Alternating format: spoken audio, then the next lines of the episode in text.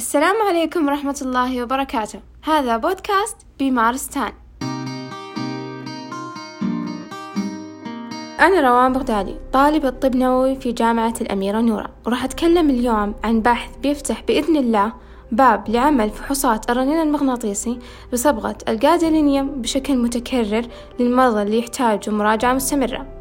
إلى الآن كان في بعض المخاوف إذا في أي آثار جانبية لو استعملناها بشكل متكرر مثل تأثيرها على الخلايا العصبية. فهذا البحث هو ملخص لتجربة علمية تقيس تأثير التعرض المتكرر لصبغة الجادلينيوم على الجهاز العصبي. فهذه التجربة نشرت في عام 2019 وأجريت على 70 فأر أعمارهم أربع أسابيع.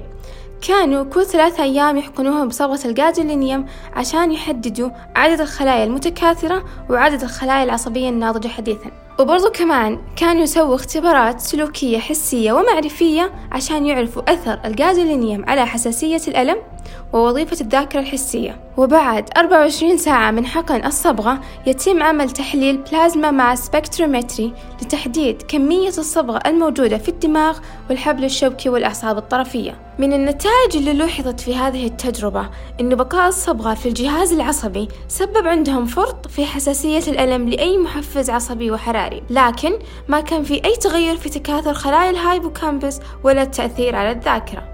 ختاما طبعا التجارب على الحيوان لا تحل محل التجارب على البشر. لذا نامل في المستقبل بإذن الله إننا نستفيد من هذه التجربة ويكون عندنا معلومات كافية عن آثار الاستعمال المتكرر لصبغة الجادلينيوم على البشر. وصلنا إلى نهاية الحلقة. نتمنى لكم يوما مليئا بالمعرفة. فريق بمارستان يشكركم لحسن استماعكم.